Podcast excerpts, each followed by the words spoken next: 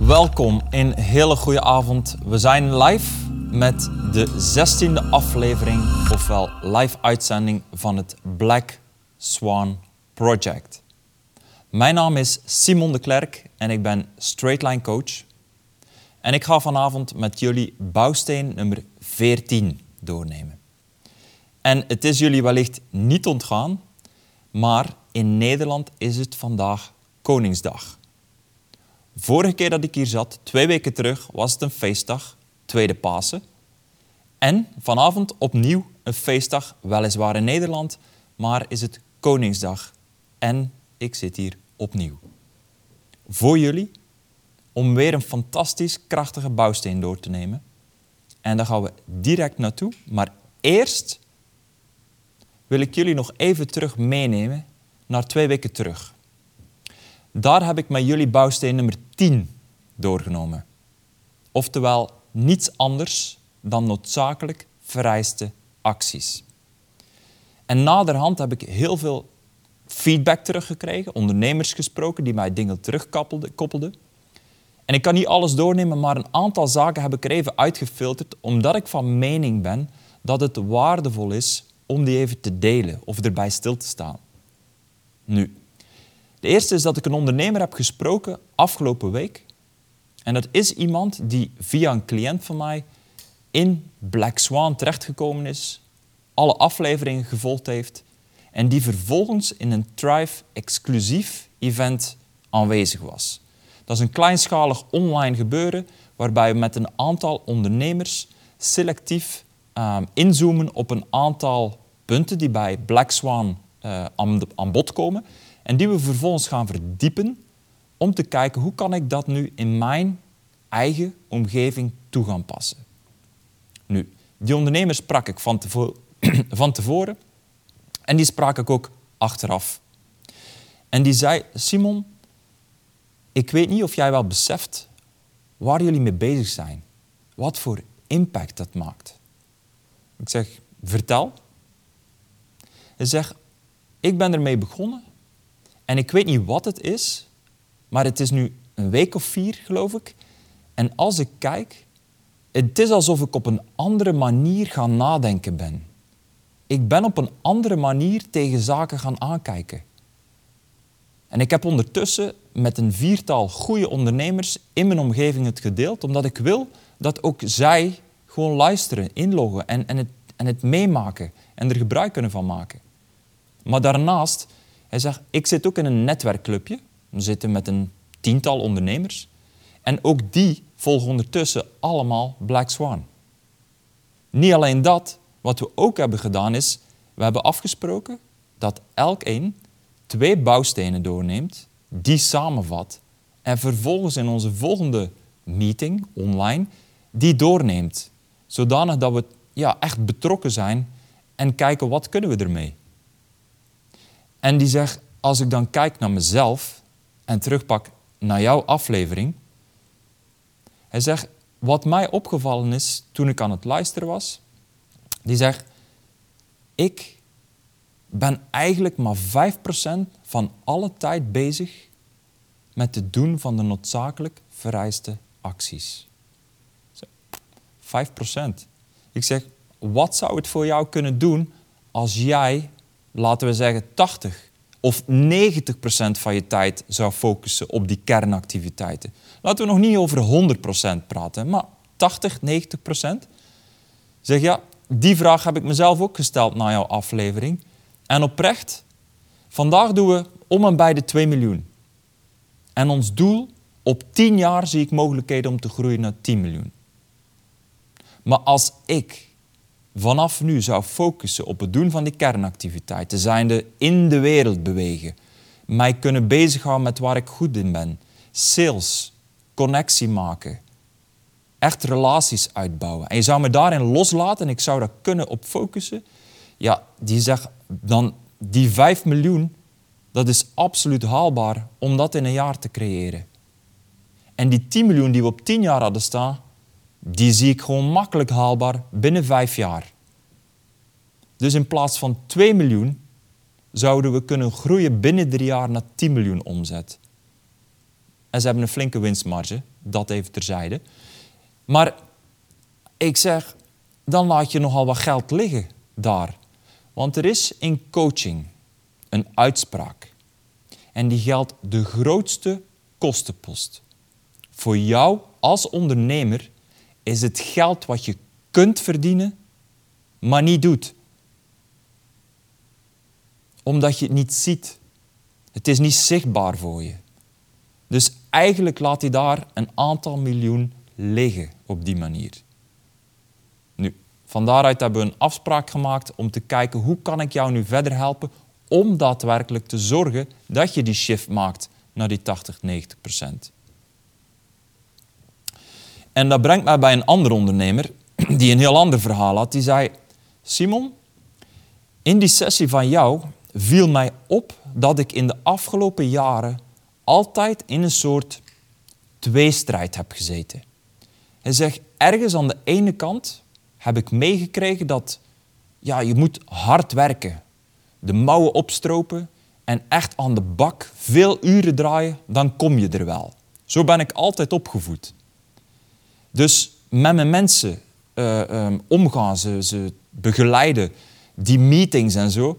Ik heb dat altijd gezien als tijdsverlies. Maar in jouw meeting zei hij dat een leider vooral gefocust is op het begeleiden en ondersteunen van zijn medewerkers. Dat een leider iemand is die zichzelf en zijn team meeneemt op de meest effectieve manier van A naar B.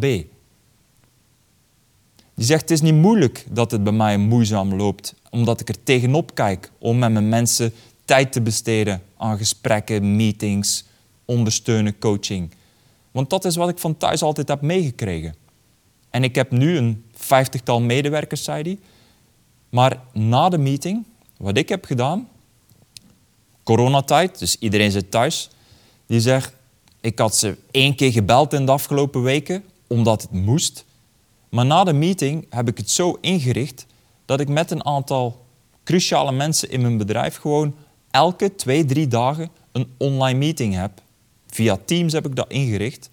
En ik merk dat nu ik meer in contact sta, nu ik echt ja, meer betrokkenheid krijg, weet wat er speelt, dat ik op een of andere manier een andere soort vibe in het bedrijf krijg. Dus ik wil je oprecht bedanken om mij te laten zien dat het niet zozeer is om hard te werken en zelf de mouwen op te stropen, maar dat ik vooral moet focussen als leider op het begeleiden, coachen en ondersteunen laten groeien van mijn team, van de mensen rondom me heen. En een laatste voorbeeld wat ik wilde aangeven is eigenlijk een cliënt. Iemand waarmee ik werk. Uh, we zijn gestart in januari.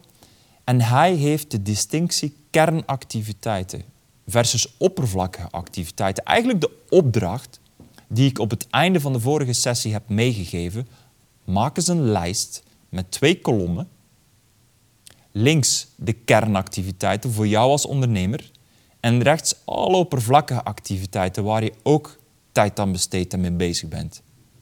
En nu, eerst heeft hij dat voor zichzelf gedaan. Vervolgens heeft hij diezelfde opdracht aan zijn hele team gegeven. Nou, 30 mensen, heeft daar wat context rond geschetst, dus heeft meegedeeld waarom het belangrijk is, wat is een kernactiviteit, wat is een oppervlakkige activiteit. En die zei, er waren een aantal merkwaardige conclusies, zou je kunnen zeggen. En de allereerste is dat 70% van de mensen die waren op tijd met het indienen van de antwoorden. 14% van de mensen die waren veel te snel met het indienen. Dus dat wil zeggen, de opdracht was een week lang observeren wat je doet en dan die lijst opsturen. Maar die zegt van 14% had ik die lijst diezelfde dag nog. Dus de feedback is dat ze de opdracht of niet volledig gelezen hebben of gewoon niet goed uitgevoerd hebben. Maar de allerbelangrijkste conclusie is dat het een dialoog geopend heeft tussen mij en mijn managementteam. Hij kon niet met iedereen spreken, want dan zou hij met 30 mensen een gesprek moeten hebben. Maar hij is gaan focussen op de mensen rondom hem heen, het managementteam.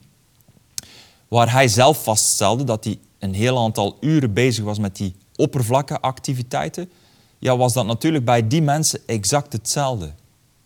Maar die opdracht zorgde dat er een dialoog ontstond, gesprek, waarbij ze samen konden gaan kijken naar waar zijn we nou de hele tijd mee bezig. En wat hij vaststelde is ook dat die mensen veel tijd besteden aan allerlei oppervlakkige activiteiten. Dus dat zijn mensen die duur betaald worden, een goede job hebben, heel veel kennis en ervaring en die bepaalde verantwoordelijkheden hebben, maar eigenlijk tijd bezig zijn met zaken die ze niet zouden moeten doen, maar gewoon toch ja, tijd aan besteden. Door erover te spreken, dat inzichtelijk te maken, hebben ze besloten, we nemen anderhalve fulltimer aan. Die kan al die oppervlakkige activiteiten doen. En ik kan me weer gaan focussen op doen waar ik verantwoordelijk voor ben. Dus anderhalve fulltimer. En daarnaast, wat ze ook gedaan hebben, al die managementleden, die zijn vervolgens met de mensen op de werkvloer gaan spreken. En daaruit kwam ook nog een bepaalde tendens of een soort patroon uh, naar boven. En dat was dat iedereen ook veel tijd bezig was met activiteiten waarbij ze eigenlijk een collega gevraagd hadden om iets aan te leveren of iets te doen voor hun. En die collega deed dat niet op tijd. Dus ze zaten te wachten en vervolgens namen ze zelf het initiatief om het dan maar zelf te doen. Alleen iedereen deed dat blijkbaar. Het was een soort patroon in heel het bedrijf. Dus iedereen verloor tijd met het doen van acties omdat een andere collega eigenlijk zijn verantwoordelijkheid niet nam. Nu, kan je zeggen, als je dat kan aanpakken en iedereen focust weer op zijn taak, zijn verantwoordelijkheid, dat je een stuk groeit aan effectiviteit. De laatste conclusie is uiteindelijk dat het iets heel werkbaar is om te focussen op die kernactiviteiten, want waarop je focus, dat groeit. Dus het is iets wat structureel in het bedrijf zal geïmplementeerd worden en op een regelmatige basis gewoon terugkomen, omdat ze zien dat het iets is wat werkt. Nu, de waarde van deze sessies, van die Black Swan afleveringen, zit hem niet in dat half uur en de informatie die ik met je deel. De waarde zit hem in wat jij na de sessie ermee gaat doen. Dus net als die ondernemers wat ik net benoemde, als jij een aantal dingen ziet en je gaat er daadwerkelijk in de realiteit daarbuiten mee aan de slag, dan creëer je return on investment. Dan haal je daadwerkelijk een ja, rendement op de tijd dat je hierin steekt. Dus het is mijn uitnodiging om in ieder geval op die manier te komen opdagen. En te onderzoeken dat de bouwsteen die wij vanavond gaan doornemen, wat die voor jou eventueel kan gaan doen. Aan de andere kant heb je natuurlijk ook ondernemers, en dat moet ik ook eerlijk toegeven, die spreek je dan. En dan hebben ze of een Black Swan bijvoorbeeld gevolgd, of ze hebben het boek Straight Line Leadership gelezen en dan komen ze aan telefoon of ik spreek ze face-to-face. En dan is het, ja, het is niet echt iets nieuws voor mij. Hè? Die punten die jullie delen, die tools die jullie aanreiken, ja, die zijn heel herkenbaar voor mij. Dat doe ik al. Dat vertelt mij twee dingen. Het allereerste is de oppervlakkigheid waarmee die persoon kijkt. En dat is niet goed of niet slecht, maar het is niet heel werkbaar. Waarom? Omdat het je gelijk vastzet.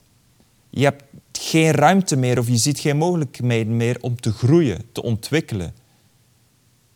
Terwijl opkomen dagen en kijken naar waar kan ik mijn level verdiepen,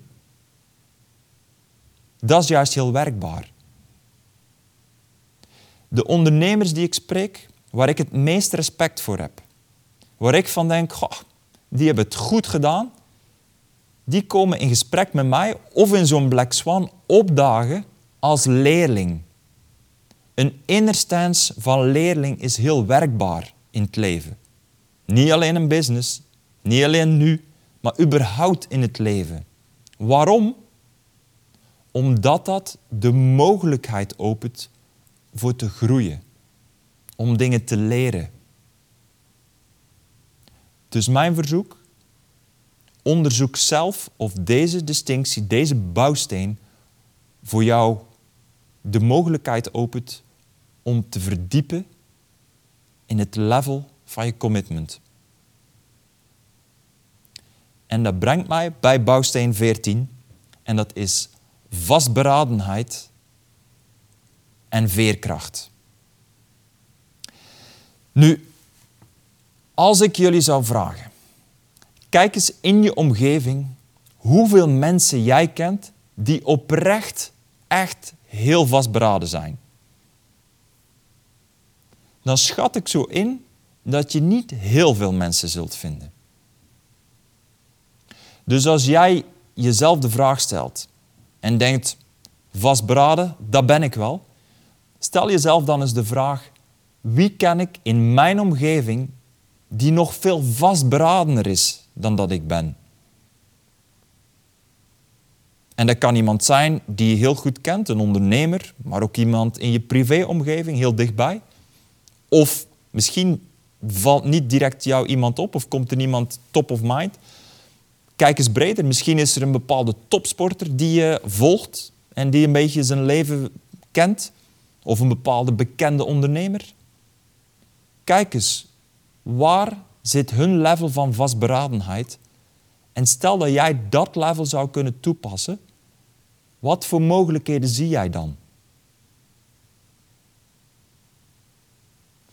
Als we het hebben over vastberadenheid, dan brengt mij dat ook bij endurance. En endurance of is ook wel Nederlands volhardendheid. Dus niet zozeer doorzettingsvermogen, wat persistence is, maar endurance. Dus doorpushen op het moment dat het lastiger wordt, dat het pijn gaat doen. Of presteren onder druk, zou je ook wel kunnen zeggen. Als je nu gaat kijken, corona. Er zijn, laten we zeggen, de zwaarst getroffen sector, of één van de zwaarst getroffen sector, is de horeca. En dan heb je binnen de horeca heb je ondernemers die zijn geshift naar bestellen, afhalen. En die beginnen daaraan en dan modderen ze een beetje aan. En in het begin dat werkt dat niet zo heel goed. Dat moet een beetje op gang komen. Maar dat werkt niet en ze stoppen weer. Aan de andere kant heb je ook ondernemers en die bijten zich erin vast. Die beslissen voor zichzelf, dit moet succesvol worden. Linksom of rechtsom, dit gaat werken. Die hebben een ander level van vastberadenheid. En een heel goed voorbeeld daarbij is um, een restaurant in Maastricht, heet Il Fiore. En die mensen die hebben zichzelf gecreëerd als heel vastberaden. Waarom? Die hebben een online platform opgericht op een website. Die beslissen, als we het doen, dan doen we het gelijk goed. Dan pakken we het ook echt goed aan. Dus op de website kun je aangeven wat je bestelt. En je moet direct ook een tijdslot aangeven wanneer je het komt ophalen. Van daaruit, als je komt op locatie, hebben ze een soort drive-thru gecreëerd. Er ligt een rode loper, de tafeltjes buiten zijn netjes opgedekt, um, waar mensen kunnen zitten om te wachten. Niet eten, want dat mag dus niet, maar wel om te wachten. Er is ook een soort zuil die ze daar gesteld hebben om aan te geven dat je er bent en welke bestelling en zo. Het hele plaatje ziet er af uit. Die hebben niet zomaar afhalen en bestellen gedaan, maar die hebben het gelijk goed aangepakt. Het resultaat is dat ze in het weekend meer couverts, oftewel meer bestellingen verwerken, dan dat ze anders voorheen deden in het weekend. Omdat ze beperkt waren door het aantal zitplaatsen. Maar nu niet. Dus ze doen meer bestellingen dan voorheen. En ik besef heel goed dat er wellicht een aantal horecaondernemers nu online zijn waarbij dit niet werkt. Absoluut, context is bepalend. Maar waar ik wil dat je naar kijkt, wat heel werkbaar is, is om te kijken, oké, waar kan ik mijn level van vastberadenheid verdiepen? Wat kan ik met dit voorbeeld in mijn situatie? En dat brengt mij ook bij endurance of vision. Als je gaat kijken, hè, de vorige keer, twee afleveringen, of nee, een aantal afleveringen, maar twee weken terug, aflevering Bouwsteen 10 die ik heb doorgenomen, dan heb ik het verhaal verteld van een ondernemer die 10 miljoen euro als doel voor eind 2020 had gezet. En die ondernemer die ziet, we zijn nu drie maanden kwijt door de coronacrisis, en die beslist, fuck it, ik doe dit in negen maanden. En wie moet ik hiervoor zijn? Daar kijkt hij naar en die gaat er op die manier op uit. Die beslist, ik doe in negen maanden wat ik anders in twaalf maanden ga doen. Tommy zou zeggen, voor diegenen die de vorige aflevering gevolgd hebben, de pitbull-mentaliteit. Die bijt er zich vast en die laat niet meer los. Endurance of vision. Een heel krachtig iets. Nu, vastberadenheid. Als we nu opgaan naar het tweede deel van de uh, bouwsteen, zou ik zeggen, veerkracht. En veerkrachtige mensen, die zijn in staat om een tegenslag eigenlijk om te draaien in iets positiefs. Die hebben ook tegenslagen. Maar op een of andere manier lijkt het alsof dat niet doordringt, alsof het van hun afglijdt. Dat problemen hun niks doen. En Christophe Kuppes zou zeggen, het lijkt alsof de vacht of de veren van een eend, daar komt water op en dat glijdt er vanaf. Het dringt niet door. Dat is veerkracht. Maar ook het vermogen om je aan te passen aan stresssituaties, aan tragedie, aan tegenslagen en problemen. Iedereen heeft tegenslagen en problemen. Jij hebt die, ik heb die, iedereen heeft die in het leven. En mensen proberen altijd een bepaalde vorm van controle daarop uit te oefenen. Proberen het leven te controleren, maar het leven loopt zoals het loopt. Het leven loopt niet zoals jij wilt dat het loopt. Het loopt ook niet zoals jij hoopt dat het loopt. En ik heb, ja, ik weet niet of het jou al opgevallen is, maar het loopt zeker niet zoals jij denkt dat het gaat lopen. Het leven loopt zoals het loopt. De enige controle die je hebt, is op hoe jij reageert op die uitdagingen. En dat kan vanuit power. Dat kan vanuit controle, een bepaalde invloed. Jij kunt ervoor kiezen hoe je ermee dealt. En als wij het dan hebben over uiteindelijk kijken naar de omstandigheden die veranderen, dan wil je weten dat omstandigheden altijd veranderen. Het leven verandert, in business verandert. Hoe sneller jij accepteert dat de dingen nou eenmaal veranderen, hoe meer ruimte je creëert. Proberen dat tegen te houden, zet je als het ware vast, gevangen. Maar juist door te accepteren dat dingen veranderen. Kijk maar nu naar corona. Omstandigheden zijn veranderd en omstandigheden veranderen altijd. Oké, het is iets drastischer, maar ja, is het niet corona, dan is het wel de stikstofcrisis. Of dan is het wel de bankencrisis.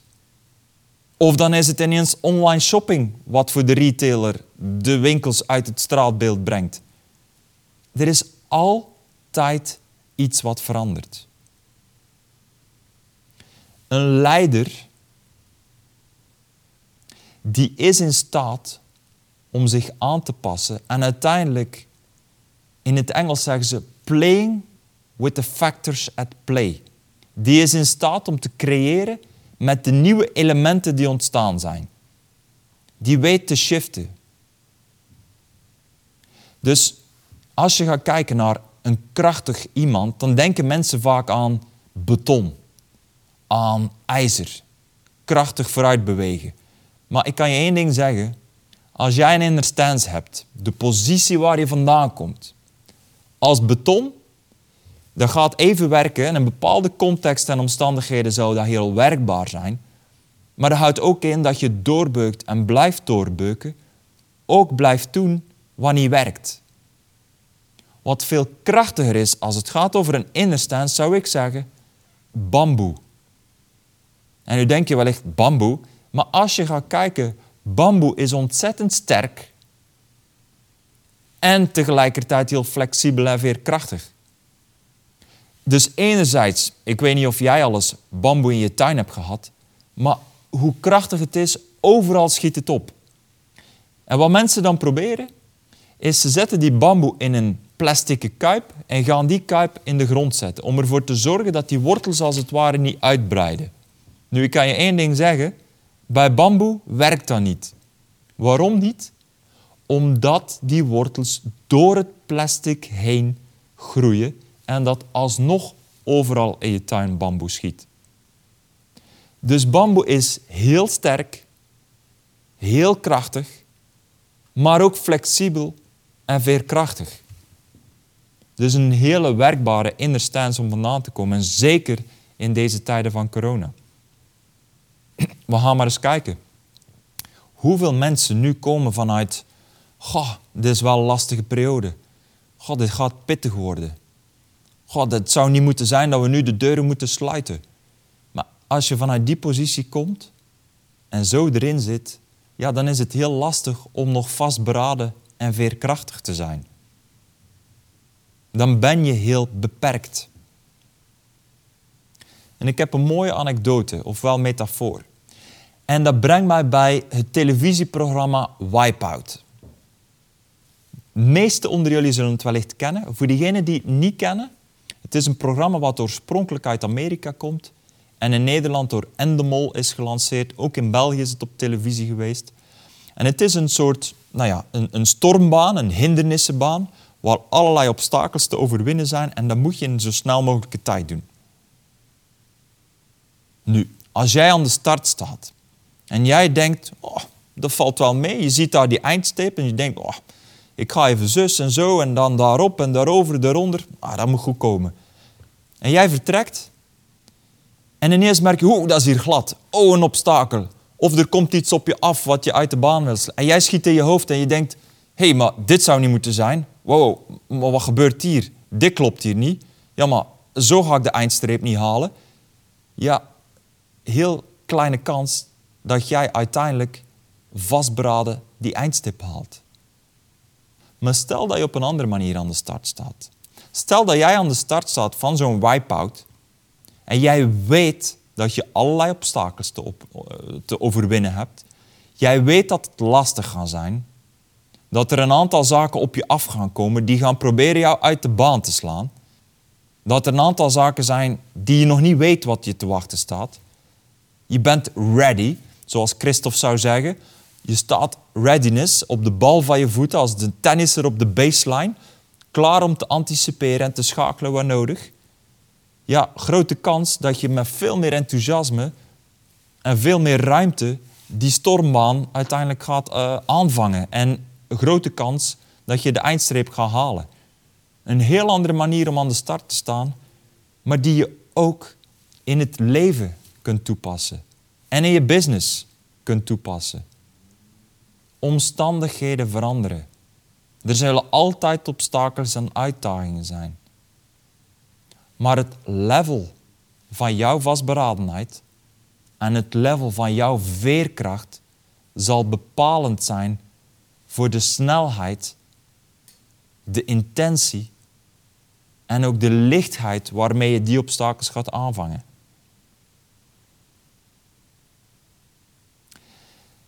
Terug naar business.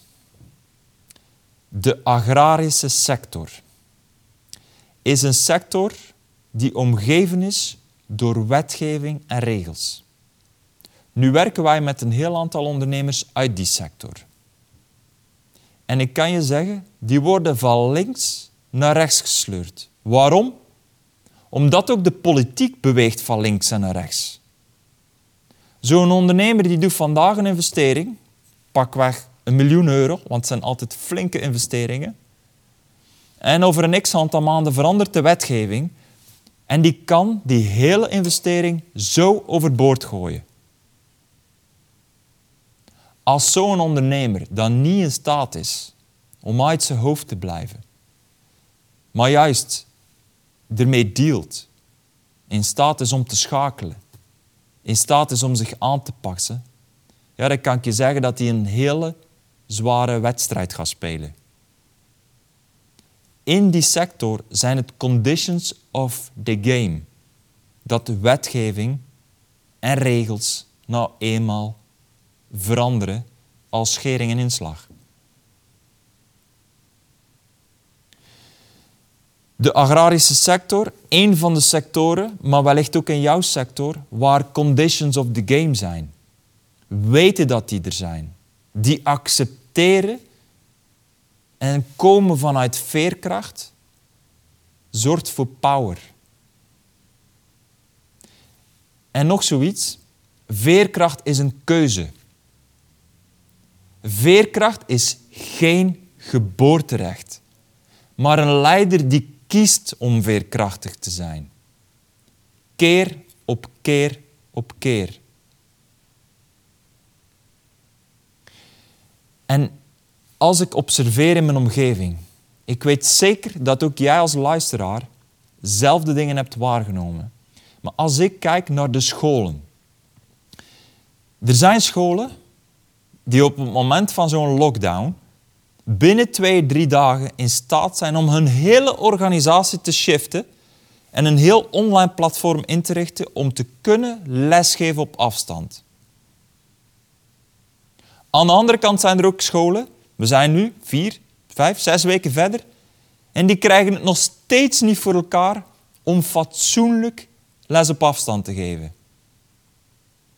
Dan lanceren ze dingen, dat werkt dat weer niet. Leerlingen zitten te wachten, de leraar is er niet, er is geen audio, bestanden kunnen niet gedeeld worden. Het is ongelooflijk. Zo'n contrast tussen de beide. Maar hetzelfde heb je in business. Hetzelfde heb je in het leven. Ook in business zie je dat mensen, bedrijven, in een mum van tijd weten te schakelen en een hele online omgeving inrichten om hun werk verder te zetten. En dan zijn er bedrijven die vandaag de dag nog steeds niet in staat zijn met alles wat er is, met alle platformen die beschikbaar zijn, om fatsoenlijk op afstand te werken en te communiceren. En hoe je het ook draait of keert, misschien wil je het niet horen, maar het is altijd terug te brengen naar het leiderschap. Of dat nou op die school is, of dat nou in business is, of of dat nou in je leven is, er is altijd een bepaalde weerstand bij het leiderschap als er niet mee gedeeld kan worden. Als er niet geschakeld kan worden. Ik, ik had een ondernemer die zei, ja maar Simon, ik ben ook zo iemand van de oude stempel. Hè? Dat online werken, dat is niks voor ons jongen. Dat werkt in onze sector niet. Ik ben iemand, ik kijk mensen graag in de ogen. hey, helemaal akkoord. Ik ook. En ik kan je zeggen, dat werkt absoluut het allerbeste. Alleen als die omstandigheden vandaag niet mogelijk zijn en dan blijven komen vanuit ik moet iemand in de ogen kunnen kijken, anders werkt het niet. Ja, dan ben je klaar toch? Dan houdt het op. De enige manier om dan te kunnen blijven vooruitbewegen is schakelen en dealen met de nieuwe omstandigheden en daar het beste uithalen. Zo'n ondernemer die dan schakelt, die kan weer vooruit. En dat brengt mij bij het laatste punt. En dat is iets, als ik deze bouwsteen voor het eerst hoorde, dat ik dacht, er is één persoon die bij mij direct naar boven komt. En dat is Bibian Mentel. Veel mensen online zullen Bibian kennen. Een aantal onder jullie wellicht niet. En ik denk eerder de Belgische, Vlaamse ondernemers die die naam misschien niet kennen. Maar Bibian Mentel is Olympisch, Paralympisch kampioene snowboarden. Meervoudig. Ze is Nederlandse en um, ze heeft uiteindelijk op 29-jarige leeftijd is haar been geamputeerd. Maar dat niet alleen. Daarnaast heeft ze ook tientallen keren kanker gehad. Overwonnen, weer teruggekomen. Overwonnen, weer teruggekomen. En continu heeft ze zich opgewerkt tot topsporter. Is ze keer op keer in staat geweest om medailles te winnen. Maar dan niet alleen, dat is niet het allerbelangrijkste, maar het is vooral wie Bibian is. Ze doet het op een manier met lichtheid. Wie zij is, dat kan menig ondernemer, überhaupt mens in het algemeen een voorbeeld aan nemen. Bibian is iemand die blijft doorgaan, die zo vastberaden is om alles uit het leven te halen, wat er ook gebeurt, die 10, 15, 20 keer neergeslagen is en elke keer opnieuw door middel van veerkracht opnieuw opprijst. Nu, het is mijn uitnodiging om naar thrive.eu te gaan, waar een fantastische documentaire op staat. Een documentaire van een half uur, die gemaakt is door Jeremy van Bedijk, onze creative director. En neem het van mij aan oprecht, het is een documentaire die Netflix-waardig is. Die niet zozeer een licht schijnt op de prestaties en wat ze allemaal bereikt heeft aan medailles, want daar is genoeg over geschreven, genoeg interviews over gegaan. Maar wie Bibian is, dat is wat krachtig is. Dat is waar ik wil, als je open staat om de documentaire te kijken, wie zij is. Be more like Bibian. Als je tegenslagen hebt, want die komen in het leven en je kunt pakken wie zij is, dan kan het absoluut een grote meerwaarde betekenen in een stukje levenskwaliteit voor jou. Als ondernemer, als mens. En als afsluiting twee vragen. En ik heb ze al verweven in uh, de stukken die ik heb doorgenomen, maar twee vragen, een opdracht zou je ook wel kunnen zeggen, die ik verzoek om te doen. Die moet je niet doen, maar het is heel werkbaar als je het wel doet, want dat geeft mogelijkheden, ruimte om te kijken, te onderzoeken in jouw wereld, in jouw domein, in de relatie, waar je kunt verdiepen. Als het gaat over vastberadenheid en veerkracht. De eerste vraag is, waar kan ik mijn level van vastberadenheid en veerkracht verdiepen en wat zou dat dan voor mij kunnen betekenen? De tweede vraag, waar zie ik bij mijn medewerkers dat ze hun level van vastberadenheid en veerkracht kunnen verdiepen? En wat zou dat voor hun betekenen? Kijk, een leider die gaat in dialoog. Die gaat in gesprek met zijn mensen om te kijken waar kan ik van waarde zijn? Waar kan ik je mee helpen? Als jij in staat bent om bij een van je medewerkers of een aantal van je medewerkers, maar ook mensen in je omgeving, hun level van veerkracht omhoog te krijgen, of verdiepen zoals je wil, dan kun je een medewerker voor het leven creëren. Hel, wellicht een vriend voor het leven. Want die verhoging van veerkracht heeft niet alleen een impact hoe iemand presteert in de business, maar hij heeft een impact hoe iemand in het leven staat. Heeft een impact op de levenskwaliteit van die persoon. Dus het is mijn verzoek, mijn uitnodiging om naar die twee vragen te kijken als opdracht. En ons de antwoorden toe te sturen op de e-mail die in de uitnodiging van vanavond staat. Black Swan Project. Um, in, um, even de e-mail was Reinoud Black Swan Project at thrive.eu. Dankjewel. Ehm, mail daar je antwoorden naartoe. De opdracht, dan kunnen wij kijken, wat haal jij eruit? En vooral de feedback ook eventueel, wat heb je er in de praktijk uitgehaald? Nu, twee puntjes. Alle uitzendingen, die staan op Spotify. Die kan iedereen ten alle tijde terugluisteren. Daarnaast hebben we ook een Twitter-account waar we straightline reminders delen. Die ontstaan zijn, eigenlijk zijn het quotes die ontstaan zijn tussen de conversatie tussen Dushan en ons. En die gaan we in de conversatie houden. Dus ik zou zeggen, meld je ook aan op onze Thrive ehm, Black Swan Twitter-account. En als het iets waardevol is, als het iets is waar jij ziet, je bent hier enthousiast over, over het werk en de dingen die we delen en wat het voor jou betekent, deel het dan. Deel het met mensen rondom je heen. Als ik ergens enthousiast over ben, of het nou een boekhouder is, een restaurant of een bepaalde vakantiebestemming, dan spreek ik erover. Dan deel ik het met mensen in mijn omgeving. Dus doe dat als jij het waardevol vindt. Deel het met mensen, zodat wij in staat zijn om nog meer impact te maken.